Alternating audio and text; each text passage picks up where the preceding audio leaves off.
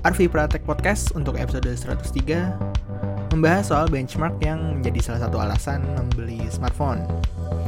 Halo Sobat Tekno, apa kabarmu hari ini? Semoga tetap sehat dan banyak rezeki.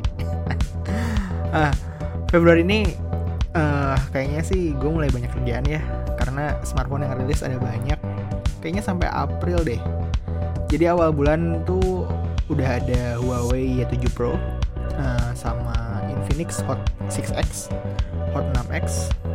Terus minggu depan akan ada Samsung M20 dan info terkait Oppo F11 dan Vivo V15 juga udah di depan mata gitu, udah udah santer berkibar lah segala macamnya gitu. Redmi Note 7 juga pasti akan hadir bareng dan biasanya sih Asus juga ikutan. Jadi ya semoga tidak mengganggu konsistensi podcast ini. Buat yang baru dengar, salam kenal, gue Arfi. Uh, podcast ini umumnya membahas gadget dan tech. Episode baru ada setiap hari Minggu dan nanti malam jam 8 di youtube.com slash di Pratama. Itu gue akan live uh, untuk gibah teknologi bulanan bareng Fadil. Temen gue yang sedikit demi sedikit mulai menunjukkan eksistensinya di dunia perpodcastan. Seenggaknya nongol di podcast gue. Tapi nanti, nanti, nanti nanti ada uh, sumbangan opini dari Fadil uh, ikutan cuap-cuap di akhir. Cuman uh, apa namanya gue sebenarnya bisa aja sih sebenarnya kayak voice call atau apa segala macam direkam. Cuman kayaknya takutnya episodenya bakal terlalu lama dan segala macam gitu. Jadi durasi juga sih. Gitu. Apa ini jadiin podcast tandem aja ya? Gimana Dil?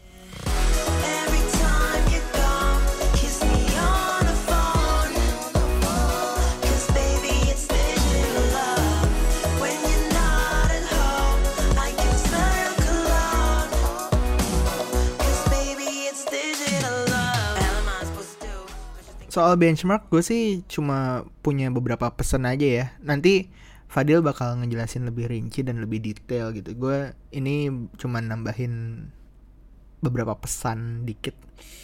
Tiga. Ya tiga tiga tiga pesan. Jadi buat kepada buat kalian kepada para pemuja angka pada benchmark benchmark smartphone nah, khususnya hmm, karena di PC sih uh, ada maknanya itu. Maksudnya makna adalah hmm, sering dipakai untuk uh, lom kompetisi overclocking gitu kan. Terus juga uh, apa namanya si skornya itu atau atau yang diuji itu tuh jelas gitu. Uh, satuannya jelas ukurannya jelas gampang dibandingkan dengan yang lain metodenya juga uh, cukup ini ya metodenya juga dapat dimengerti dan segala macam gitu. Ini khusus untuk smart uh udah harus harusnya gue balik tapi ini mau hujan aja. Oke okay, uh, eh, jadi umumnya sih aplikasi yang dipercaya itu Antutu ya Antutu benchmark uh, versi 7 sekarang. Yang skornya bisa tembus 200 ribuan lebih sampai sekarang. Bahkan ada uh, iPad Pro itu 500 ribu skornya 500 ribuan. Gue sendiri soal benchmark khususnya di smartphone tuh udah nggak nggak asing lah. Jadi dulu sering oprek aplikasi set CPU gitu di overclock si prosesor si chipsetnya si smartphone-nya untuk dapat skor di kuadran benchmark yang gede gitu. Jadi dulu tuh gue pernah make LG Optimus One P500 ya LG P500 Nah itu uh, base clocknya itu 600 MHz dan di set CPU dengan install kernel, custom kernel dan segala macam bisa tembus 850, bisa tembus 950 dan itu bisa naikin si skor benchmarknya sampai uh, signifikan lah lumayan lah lumayan signifikan lah. Cuman jadi draw apa drawbacknya adalah boros baterai terus beberapa aplikasi mungkin nggak stabil bisa unexpected reboot dan segala macam gitu gitu. Nah hasilnya sih sebenarnya untuk kebanggaan Fana doang gitu. Karena ya cuma atur via aplikasi terus pakai script yang emang udah jadi gitu. Bukan gue yang ngutak ngatik bikin scriptnya dan segala macam. Si scriptnya tuh udah siap download aja gitu tinggal pakai doang. Dan orang-orang pada bilangnya kayak gitu doang operator tapi ya udahlah. Dan sekarang kalau saat ini itu gue punya kesempatan buat mencoba berbagai handphone dan di setiap review yang gue bikin ya umumnya membahas performa yang ya rata-rata menggunakan aplikasi benchmark itu sebagai acuan gitu. Jadi pesan gue yang pertama itu adalah untuk kalian yang doyan angka ya, untuk kalian yang wah angka gede-gedean angka wah dua ratus ribu, dua ratus ribu dan segala macam, coba belajar skala deh. Jadi gini, kan perbandingan skor benchmark tuh diinterpretasikan sebagai grafik ya, grafik uh, chart gitu, grafik batang yang berdasarkan skor gitu. Jadi kalau misalkan skornya makin gede berarti grafiknya makin panjang. And so on and so ke bawah-bawahnya kayak gitulah. Dan uh, biasanya kan ada di share tuh, misalnya ada beberapa HP yang mau rilis dan segala macam, biasanya ada bocoran, oh, ini nih skor ininya skor atau enggak pas waktu launching smartphone itu tuh biasanya salah satu poin presentasinya adalah perbandingan skor benchmark gitu. Terus dibuat seakan-akan si selisihnya tuh beda jauh gitu. Jadi kayak si batangnya tuh sangat-sangat eh, signifikan gitu bedanya gitu. Yang yang brand-brand lain katakanlah batangnya lebih pendek lebih pendek lebih pendek. Brandnya apa atau produk yang sedang dipresentasikan tuh si grafis batangnya tuh lebih panjang gitu nah atau enggak ya ada beberapa yang misal Antu tuh punya uh, ngasih ini kan ngasih press release kayak misalkan 10 besar skor Antutu benchmark di Android. Kayak gitu kan ada grafik-grafiknya tuh ada ada batangnya tuh. Kelihatan kan? Nah grafiknya tuh dibuat seakan-akan tuh kayak nggak ada apa kayak bukan nggak ada sorry. Kayak ada perbedaan yang cukup signifikan antara peringkat 1, 2, 3 dan seterusnya gitu. Sebenarnya grafik itu nggak salah, grafik itu nggak salah, datanya nggak pernah salah karena itu kuantitatif, uh, terukur gitu kan, jadi nggak data itu nggak salah. Data itu memang segitu sekian gitu kan.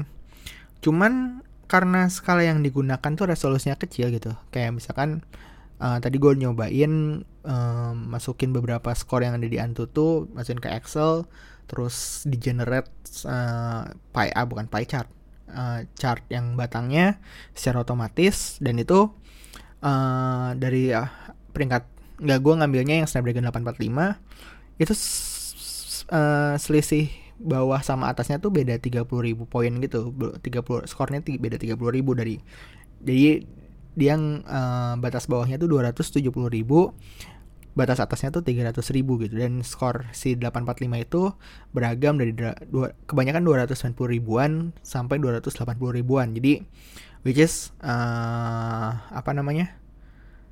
Maklum aja kalau misalkan si Excelnya ngegenerate batas bawahnya 270 ribu batas atasnya 300 ribu karena emang ada di antara itu kan. Dan terlihat si perbedaan antara satu device dan device lainnya itu uh, cukup signifikan itu kalau misalkan dilihat dari batangnya doang ya dari dari si grafisnya doang. Kayak panjangnya tuh cukup beda lah. Nah padahal kalau misalnya resolusinya kita naikkan misalnya batas bawahnya menggunakan skor chipset sebelumnya contoh Snapdragon 835 di angka 200 ribu gitu. Jadi nilai paling bawahnya tuh kita ganti 200 ribu dan nilai paling atasnya itu kita ganti 500 ribu gitu. Jadi ada uh, ruang 300 ribu apa dari 200 sampai 500 ribu untuk diisi sama si skor-skor Antutu tadi gitu. Nah interpretasi grafisnya itu jadi rata gitu. Jadi kayak seakan-akan nggak ada perbedaan yang signifikan antara si device A, device B, device C dan selanjutnya gitu. Selisihnya tuh dikit gitu. Dan dari situ gue bisa bilang ya emang skor benchmark di chipset Snapdragon 845 itu antar device emang nggak ada perbedaan yang signifikan gitu. Paling beda 10 ribu, 12 ribu itu pun 5% dari totalnya pun nggak nyampe gitu. Emang nggak signifikan ya. Kadang-kadang ada yang ada yang kayak, uh ini skornya gede banget gitu kan uh, jauh di atas uh, pesaing-pesaingnya atau jauh di atas brand lain gitu. Padahal kayak kayak aduh itu cuman sepuluh ribu mang bisa dianggap nothing ya. Kayak kalau kata ja, coach Just itu itu nothing gitu itu nothing gitu. Uh, ya itu nggak bukan apa-apa gitu. Beda sepuluh ribu dua belas ribu tuh bisa bisa dianggap uh, error rate aja gitu. Bisa diabaikan gitu. Uh, bisa dibilang raw performance antara device A device B device C itu sama gitu nggak. Karena chipsetnya sama ya skornya juga pasti sama gitu. Terus ya kayak itu yang pertama. Yang kedua untuk kalian pemuja Antutu ya saran dari gue sih cukup perhatiin skor CPU sama GPU-nya aja gitu kan. Misalnya jalan Antutu nih kalian install Antutu benchmark sama Antutu 3D benchmarknya. Terus sudah gitu kalian buka aplikasi Antutunya terus kalian run deh dijalanin si aplikasinya. Kan bakalan ngetes tuh uh, awal-awal biasanya tuh uh, tes GPU dulu gitu yang ada suara industrial toneng toneng teng teng wush wush kayak kayak gitulah. Yang gue udah cukup apa karena gue udah sering banget dengerin kayak gitu. Nah terus habis itu lanjut ke CPU lanjut ke storage lanjut ke UX nanti di akhir akan ada uh, total score sama skor si masing-masing komponennya gitu. CPU berapa GPU berapa storage berapa UX berapa. Nah saran dari gue hanya lihat skor CPU sama GPU-nya aja. Sebenarnya storage juga oke okay sih cuman menurut gue untuk storage kalian bisa pakai aplikasi lain yang uh, ngasih nilainya tuh bukan skor abstrak yang nggak ada satuannya kita nggak tahu komponen penilaiannya apa aja dan segala macam kalian bisa install Andro Bench itu bisa uh, kita bisa cek si speed uh, sequential speed write-nya sequential sequential speed rate-nya gitu. Jadi uh, dalam satuan megabyte per second itu lebih gampang di uh, lah lebih gampang di di hmm, apa namanya ditelaah gitu. Aduh bahasa gue gimana banget lebih gampang di apa ya? Lebih gampang di lebih gampang dibaca lah gitu. Nah untuk UX sendiri gue sampai sekarang belum menjadikan skor tersebut jadi acuan. Jadi kalau misalnya gue review suatu smartphone gue ya di apa misalnya jalanin benchmark Antutu gue cuma lihat CPU GPU nya aja. UX gue skip it, skip karena uh, yang nggak ada nilai penentu yang benernya. Maksudnya kayak spek sama tapi tiba-tiba nilai UX-nya beda jauh gitu. Padahal mungkin mungkin yang nilainya lebih rendah bisa menghadirkan UX yang lebih uh, menyenangkan dibandingkan nilai yang lebih tinggi. Dan itu kayak maksudnya kayak masih masih aw, apa mengawang-awang aja tuh. Nggak ada nggak jelas si patokannya tuh seperti apa. Jadi nilai UX tuh uh, gua ini gua gua abaikan gitu dan ya gue gue tuh nyari apa jalanin tuh bukan cuman buat bukan bukan pamer di medsos di grup di grup gadget gitu. Terus kayak wih ini skor gue nih kalian bisa nyanyiin skor gue nggak? Kayak gitu gitu nggak gue cuma nyari raw performance-nya aja uh, for the sake of review gitu. Untuk keperlu kepentingan review gitu. Atau performa mentahnya lah. Gitu. Kayak misalkan uh, ternyata um, skor si CPU-nya cukup jauh nih dibandingkan uh, device yang sama atau enggak uh, chipset yang berbeda gitu. Tapi satu kelas perbandingan CPU GPU-nya gimana nih? Ada ada berapa yang misalkan CPU-nya lebih oke okay, GPU-nya lebih ya pokoknya ntar itu uh, di pembahasan yang ketiga sih sebenarnya. Cuman itu tadi gue nggak baca UX uh, menurut gue UX itu masuk ke real world test ya real world benchmark. Uh, itu apa namanya uh, itu emang berdasarkan pengalaman gue sendiri maka itu nyaman atau enggak ngetik uh, pesan ngetik chat gitu nyaman atau enggak dan segala macam gitu.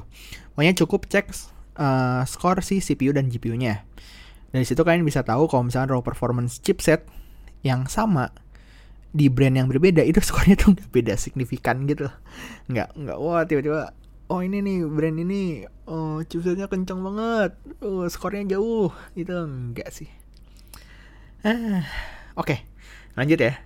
Yang ketiga dan ini please banget ya. Ini gue ini yang ketiga ini please banget. Jadi jangan cuma mengandalkan angka gitu. Ya oke okay lah angka itu objektif terukur dan mudah dibandingkan gitu kan. Uh, angka itu ya itu tadi hmm, objektif terukur dan mudah dibandingkan. Tapi ya pahami juga gitu angka uh, si komponen penilaiannya itu seperti apa gitu. Dari situ kan bisa paham saat membandingkan dengan chipset lain yang tadi yang gue sebut itu. Apakah CPU-nya lebih kencang? Apakah GPU-nya lebih sampah? Jadi nggak cuma gede-gedean total score doang gitu. Jangan maksudnya jangan jangan terlalu fana sama total score. Karena di beberapa device si total score-nya tuh terasa lebih tinggi. Pada apa disebabkan karena nilai UX-nya yang tiba-tiba lebih tinggi dibandingkan device yang lain gitu. Gitu. Itu yang tadi yang gue maksud. Kenapa UX kenapa harus diabaikan gitu. Cukup uh, ya gitulah. Jangan cuman gede-gedean angka gitu. Ya walaupun mungkin ini yang jadi alasan sih kenapa Anto tuh yang jadi patokan gitu ya bukan Geekbench. Ya Anto tuh di sini skornya lebih gede gitu kan lebih wah gitu kan lebih emphasize. Dua ribu tiga ribu. Dulu laptop gue bisa sampai seratus ribu. Sekarang udah kalah sama smartphone flagship. Jangan smartphone flagship smartphone 3 jutaan juga udah ngalahin laptop gue gitu sekarang sedangkan skor dari Geekbench ini kayak apa namanya ya uh, yang single core-nya tuh bisa nyampe 3000 4000-an yang multi core-nya bisa sampai 8000 tapi ya nggak signifikan gitu loh si gak gede-gede banget itu angkanya gitu. Jadi kayak mungkin mau pamer juga ya uh, sama device lain skornya juga sama gitu. Nggak signifikan. Gitu. Oh ya ini juga berlaku buat di Mark ya. Kalian tahu di Mark kan? Di Mark itu adalah website atau penyedia uh, uh, apa namanya jasa pengetesan kamera gitulah. Dia selain kamera aduh sorry. Ya sorry. Uh, jadi selain kamera smartphone dia juga ada kamera-kamera profesional juga. Cuman cukup rame uh, diomongin sekarang karena uh, si DxOMark ini emang merambah ke smartphone dan kemarin baru-baru aja memberikan hasil skor selfie gitu. Nah jadi DxOMark ini dia ngasih si output hasil akhirnya tuh ngasih skor uh, dari 0 sampai paling tinggi sekarang 106 paling tinggi sekarang 106 terus yang kocak tuh pas waktu ada yang 106 gitu tuh kayak wah ini di atas 100 melebihi sempurna gitu. Padahal emang batasnya nggak ada gitu. Emang batasan batasnya bukan 100 batasnya emang nggak ada gitu. Gitu eh tadi soal di Exomark ya beberapa udah ada yang yang toxic gitu sih yang ngadu-ngaduin skor di Exomark oh kamera HP gue skor di Exomarknya sekian itu kamera HP gue HP lu seberapa? Nenenenenenan gitu segala macem lah. Prep gitu kan. Saran dari gue sih ya jangan lihat skornya doang lah. Maksudnya baca penjelasannya juga gitu. Ada ada arti si reviewnya tuh in depth gitu loh. Maksudnya gue percaya kalau misalnya di Exomark ini institu, institu, institusi yang kredibel gitu dalam menguji sebuah kamera karena pengujiannya pun uh, memang memang valid itu ya oke okay lah gue ngeliat artikelnya pun nggak ngasal gitu. Nah dan si skor tadi yang 9, yang 98 106 gitu tuh rangkuman dari beberapa poin. Kayak misalkan itu pun diambil dari dua kategori satu foto satu video. Di foto tuh ada dynamic range color science kemampuan zoom gitu kan. Kalau di video ada video stabilization dynamic range juga, color science juga dan lain-lain. Pokoknya baca juga si penjelasannya minimal baca poin-poin plusnya di mana minusnya di mana gitu. Maksudnya jangan cuman sekedar angka doang gitu. Karena uh, beberapa orang menganggap bahwa hasil kamera terbaik saat ini adalah hasil kamera yang dikasih sama Google Pixel Pixel 3 XL gitu kan. Sedangkan Google Pixel 3 itu skor di di Exomark-nya tuh 96 gitu kalah sama beberapa banyak tuh gitu. Cuman kalau misalkan kalian baca-baca lagi uh, kenapa skor Google Pixel 3 itu kecil adalah karena dia nggak ada kamera zoom gitu yang dimiliki oleh beberapa vendor lain gitu. Jadi itu poin itu tuh hilang sehingga skornya cukup turun banyak gitu. Jadi padahal pas waktu misalnya dibandingkan dari uh, pengaturan white balance-nya gitu kan shutter speed dan segala macem gitu gitu gitunya uh, si Pixel 3 XL nih ya emang ba masih bagus itu bagus bagus banget itu kan. Bisa sebanding sama yang 106 gitu. Gitu. Nah gue tahu ini menyakitkan memang itu jujur apa truth itu memang menyakitkan gitu. Terutama buat kalian yang demen banding bandingin skor gitu. Cuma ya seenggaknya cari tahu lah gitu. Itu skor tuh didapatkan didapatkan tuh karena apa gitu. Gue melihat skor benchmark chipset flagship tinggi tuh jujur biasa aja gitu. Nggak nggak nggak wah gitu. Gue lebih tertarik sama uh, aplikasi pengaplikasiannya dari si skor tersebut. Kayak misalnya contoh di Snapdragon 855 nanti itu salah satu fitur yang dihadirkan adalah uh, fitur HDR bokeh uh, di video kamera gitu. Jadi secara real time si video kameranya itu bisa bokeh gitu. Dan itu maksudnya emang memerlukan uh, processing yang cukup tinggi gitu. Dan itu kayak baru dikenalin di Snapdragon 855 aja gitu. Bukan cuman masalah skor-skoran doang gitu.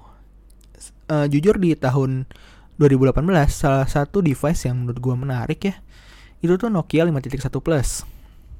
Ini bukan iklan, gue nggak dibayar untuk bilang ini.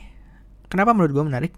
Jadi dia menggunakan chipset Helio P60, MediaTek Helio P60 P60 yang dipakai juga di Oppo F9 sama Vivo V11. Yang membedakan adalah resolusi layarnya, yang Nokia 531 Plus itu cuman HD Plus 720p.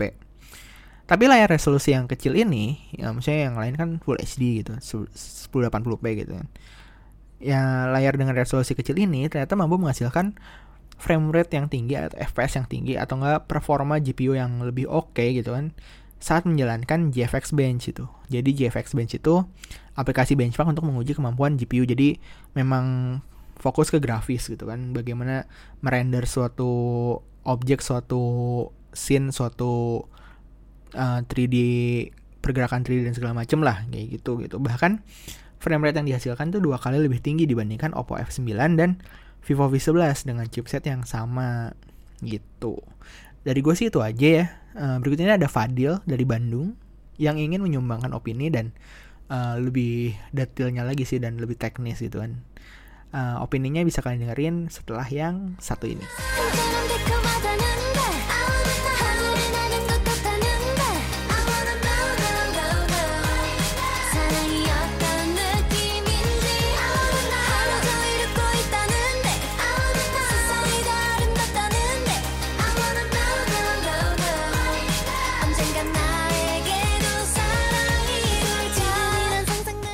Halo semuanya, gue Fadil.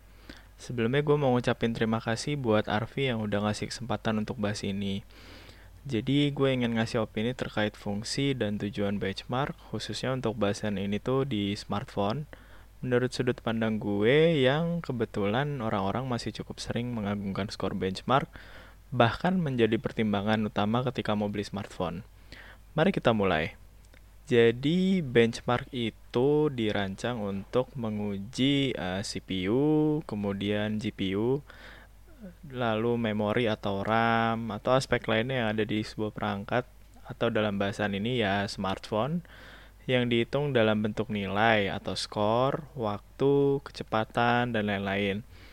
Secara umum, banyak pengujian benchmark yang populer dan sering kita dengar yang paling umum itu ya kayak kita buka speedtest.net buat nguji kecepatan internet, benchmark performa smartphone pakai aplikasi Antutu atau Geekbench, atau bahkan ada perusahaan yang emang khusus nguji benchmark di kemampuan kamera smartphone kayak DxOMark gitu. Nah, dari situ benchmark sebenarnya terbagi dalam dua jenis, yaitu synthetic benchmark dan real world benchmark. Synthetic benchmark atau benchmark sintetis itu jenis yang paling umum dipakai untuk uji hardware dengan cara ngemaksimalin penggunaan hardware atau komponen yang diuji sampai titik tertinggi dari kemampuan suatu hardware atau istilah umumnya stress test. Intinya, synthetic benchmark dipakai untuk menguji sebagus apa performa mentah atau raw performance dari hardware yang diuji dan ini memungkinkan kita untuk tahu segimana kemampuan maksimal dari smartphone yang kita uji. Yang kedua adalah real world benchmark. Real world benchmark ini ngebuat simulasi pengujian yang bisa dibilang cukup realistis. Ya, walaupun nggak selamanya akurat dari segi pemakaiannya. Contoh yang biasanya dipakai itu buka tutup aplikasi. Um, apa ya cuma itu? Sebelum bahas tentang cara pengujian real world benchmark yang lain, mari kita lanjut ke tujuan utama benchmark. Nah, sebenarnya apa sih tujuan benchmark? Simpel aja, ya buat ngukur performa suatu perangkat untuk menyelesaikan tugas-tugas dalam tanda kutip ya, yang dikasih sama aplikasi benchmark. Jadi emang ada beberapa set uh, tugas-tugas yang dikasih sama benchmark, terus di iniin dikasih ke hardware-nya, terus dari situ mereka ngambil nilai. Nah, kemudian dibandingin sama perangkat-perangkat lainnya. Kan ada tuh biasanya kalau di Antutu tuh setelah tes benchmark, ya dibandingin kan sama hardware yang lain. Kayak gitu. Nah, untuk kasus smartphone, mungkin di benak kalian akan muncul pertanyaan kayak, kan bisa lihat spesifikasinya kenapa harus dibandingin sama perangkat lain kalau ada yang spesifikasinya sama persis hmm, gimana ya kalau cuma lihat spesifikasi apalagi smartphone mungkin kita akan bisa berpendapat kalau performanya ya sama persis tapi biasanya aplikasi benchmark tuh selalu ada update baru juga apa dan nambahin beberapa tes lanjutan untuk mendapatkan hasil yang dianggap lebih akurat waktu pengujian hardware-nya dilakukan. Kan ada tuh yang misalkan setelah update baru ternyata skornya turun. Ya karena memang ada hardware lain yang lebih canggih misalkan yang lebih baru itu diujinya dengan metode yang baru kayak gitu. Nah, jadi apakah benchmark bisa dipercaya? Secara teoretis sih gue bisa bilang iya. Kenapa? Ya skor yang diperoleh dari benchmark itu hasil dari pengujian tugas yang sama, tapi dilakuin di perangkat yang beda. Dalam artian setiap perangkat dapat tugas yang sama dan cara memprosesnya memprosesnya juga sama.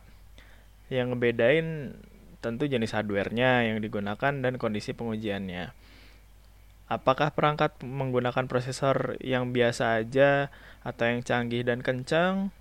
Apakah kondisi perangkat yang diuji dalam keadaan yang benar-benar stabil atau istilah lainnya cold test atau dalam keadaan baru aja dipakai atau istilah lainnya hot test. Mari kita ambil contoh sederhana. Misalnya gini. Kalau kita lagi pakai smartphone dan lumayan lama makainya, biasanya kan bakal kerasa anget tuh. Nah, ini tuh karena ada pemakaian sumber daya hardware untuk ngerjain beberapa tugas. Misalnya kayak nampilin grafik ketika layarnya nyala, nampilin animasi, atau kalau lagi browsing nampilin halaman web yang kita akses, sekaligus adanya akses data via wifi atau seluler, dan masih banyak lagi aktivitas lainnya hingga akhirnya suhu perangkatnya meningkat. Nah, ketika kita ngelakuin benchmark dalam kondisi kayak gitu, itu namanya hot test. Sedangkan kalau kita emang belum pakai perangkat itu untuk aktivitas apa-apa dan ngelakuin benchmark itu namanya cold test. Jadi kondisinya emang benar-benar stabil sama sekali hardware itu belum dipakai uh, untuk beberapa aktivitas. Nah, pernah nggak sih lihat orang uji smartphone dalam keadaan baru?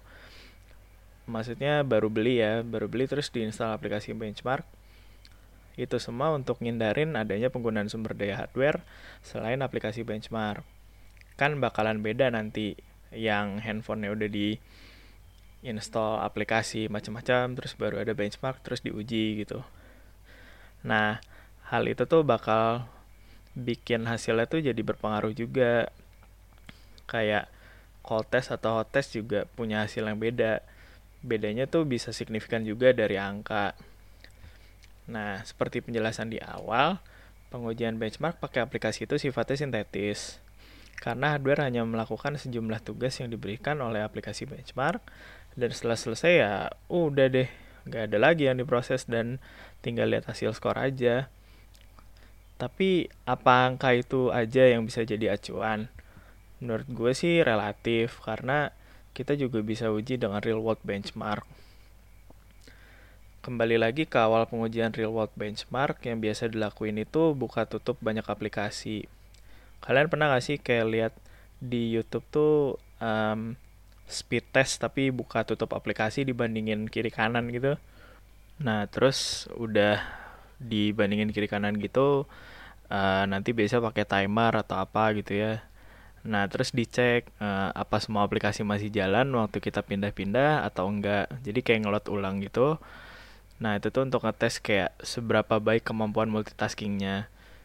Menurut gue sih ini sebenarnya kurang valid untuk dilakukan ya karena kan biasanya kalau misalkan dibandingin kiri kanan gitu ada yang pakai ini kan yang kayak jari kiri kanan tangan kiri kanan tuh udah udah standby terus mencetuk gitu. Kalau misalkan orangnya dominan tangan kanan ya jelas tangan kanan yang menang gitu. Nah beda lagi nanti ceritanya kalau misalkan di satu waktu dia mencetnya pas gitu. Pas dipencet eh dua-duanya kebuka barengan. Beneran barengan ya walaupun bedanya misalkan milisekundnya sedikit banget. Nah itu baru kelihatan gitu kayak oh iya lebih kencang yang ini. Tapi ya menurut gue sih kayak itu nggak nggak 100% valid kalau misalkan dilakuin. Ya sebenarnya sih kalau mau nguji real world yang lain tuh banyak ya.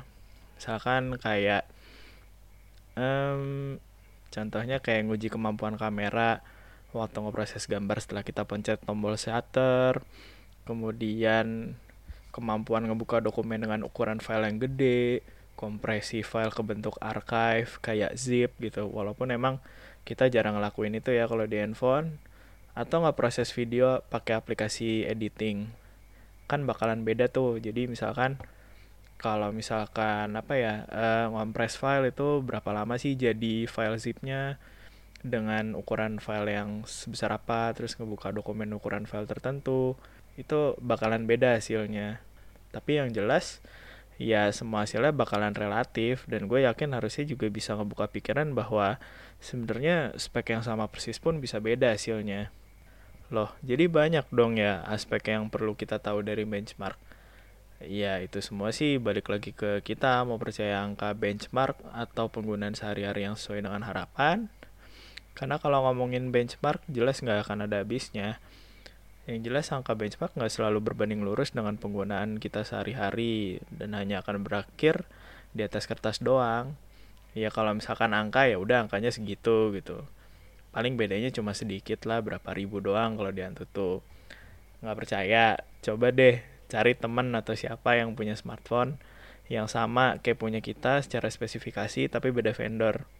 Terus di atas kertas benchmarknya mungkin bisa lebih kencang tapi ternyata pas dipakai sehari-hari nggak sekencang yang diharapin. Atau mungkin kalau ada yang punya smartphone flagship coba deh tes benchmark terus bandingin pindah-pindah aplikasinya sama smartphone yang harganya jauh di bawahnya. Ada kemungkinan smartphone yang harganya jauh di bawah punya performa yang lebih responsif dari segi penggunaannya. Simpulannya ya jangan gampang percaya dulu sama angka benchmark apalagi ngejadiin pertimbangan dalam beli smartphone kalau ada kesempatan untuk nyoba sebelum beli, coba deh cari tahu pengalaman orang ya untuk penggunaan sehari-hari lah minimal. Udah sesuai atau belum? itu sih paling yang paling apa ya, paling valid untuk di apa namanya jadiin pertimbangan. Apalagi kalau misalkan ngomongnya tuh udah masalah kenceng-kencengan gitu. Oke, mudah-mudahan penjelasan dari gue bisa dipahamin ya. Kalau enggak, boleh loh kita diskusi barangkali ada pendapat lain.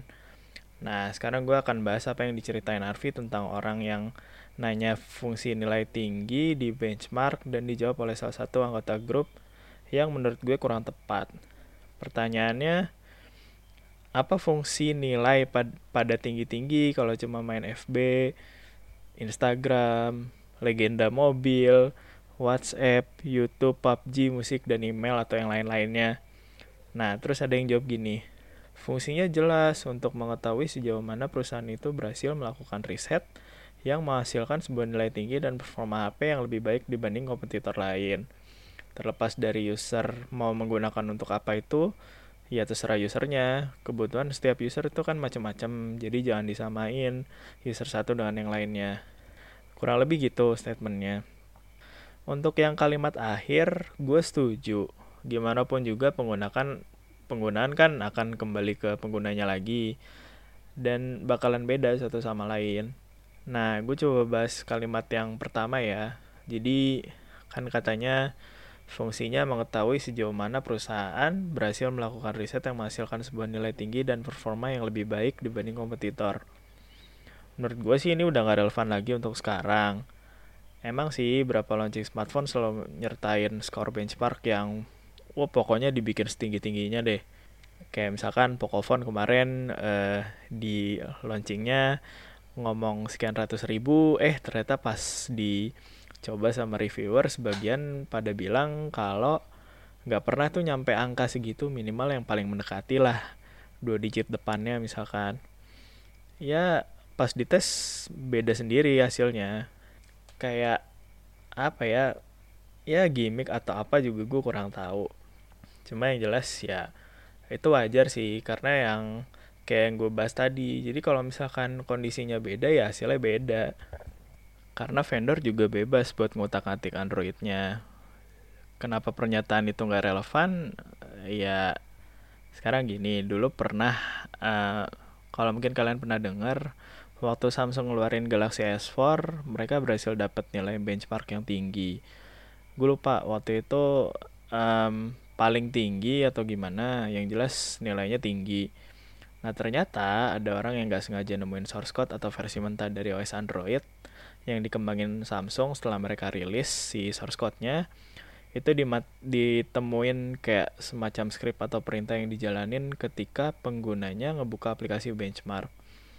Berita ini kalau nggak salah sempat ada di XDA deh, XDA developers. Gue lupa persisnya gimana, cuma intinya kayak kalau misalkan ngejalanin benchmark, dia tuh nge ngejalanin script untuk naikin si performanya. Nah, seingat gue tuh kayak CPU-nya tuh di set jadi lebih kencang, otomatis ketika aplikasi itu buka Nah, terus ada orang yang sengaja ngebuka aplikasi benchmark pakai Galaxy S4 terus dibiarin si aplikasinya ngebuka dan ternyata setelah berapa lama si perangkat itu jadi anget. Pengalaman pribadi nih, dulu gue pakai Xiaomi Mi 4C, pakai OS MIUI, terus iseng install Antutu. Gue udah tahu handphone ini kalau misalkan dipakai apa-apa pasti panas. Jadi itu masih awal-awal sih. Jadi ya udahlah gue install Antutu Nah, terus waktu pas masuk Antutu dapat notif gitu dari MIUI-nya kalau ya kalau mau buka ini direkomendasiin pakai mode high performance atau apa ya lupa namanya gue sekarang. Pokoknya ya buat nunjang main game juga.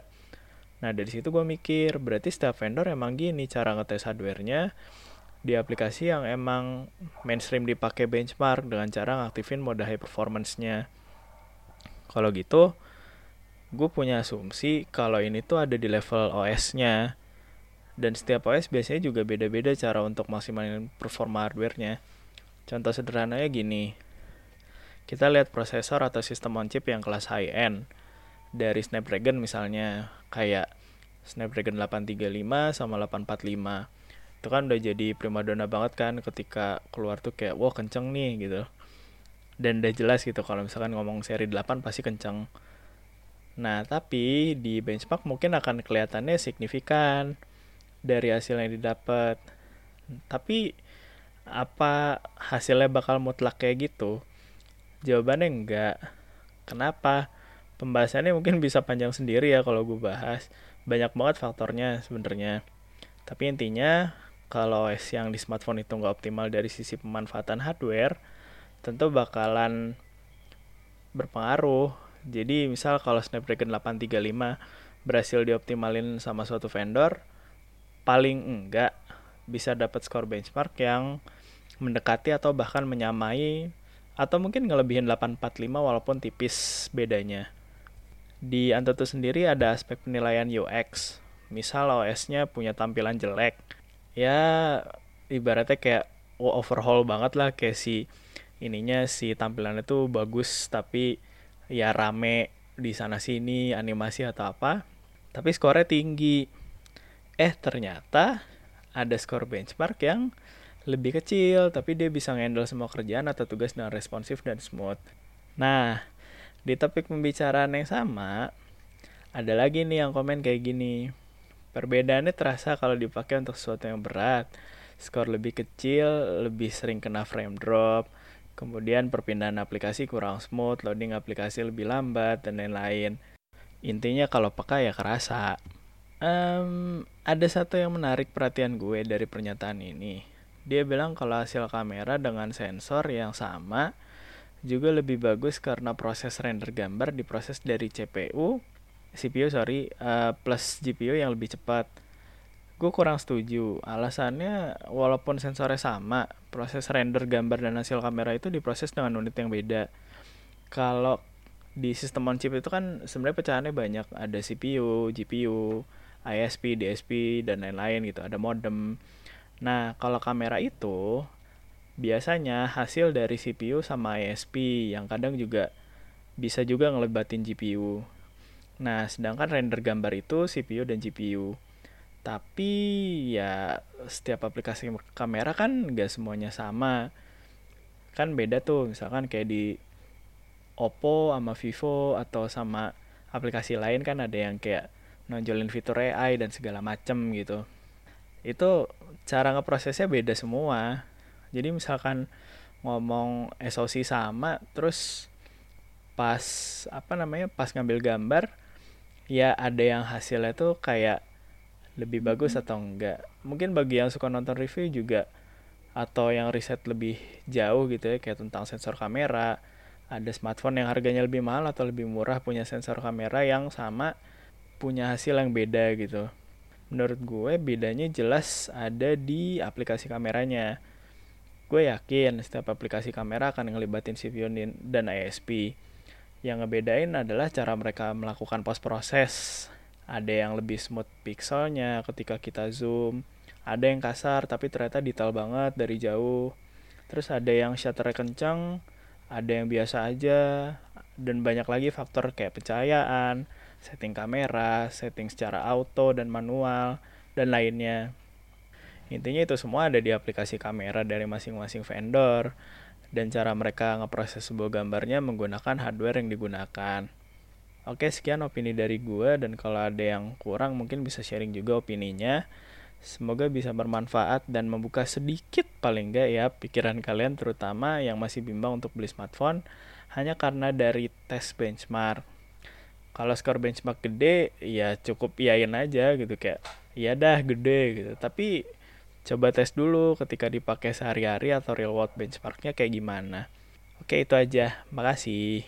Oke, terima kasih juga ya Fadil untuk opininya. Gue sendiri menganggap benchmark ini salah satu tools untuk menguji kemampuan smartphone. Sayangnya menurut gue terjadi kesalahpahaman antara data yang tertera dengan beberapa oknum yang membandingkan hanya untuk kebanggaan semata gitu. Gue sih mencoba realistis aja gitu. Perbedaan skor 20 ribu yang kalian harapin tuh apa sih gitu. Perbedaan apa gitu. Kalian kalau misalkan ada, wow HP gue bisa 20 ribu skornya lebih tinggi daripada HP lu gitu. 20 ribu itu tuh lu ngarepin apa gitu Ya kalau misalnya ada yang kurang setuju bisa mention gue atau DM di Instagram at Podcast dan Twitter at arvipra. Kalau mau kirim email juga bisa ke kotak surat at. Sekian untuk episode 103, kita ketemu lagi nanti malam dan minggu depan. Dadah!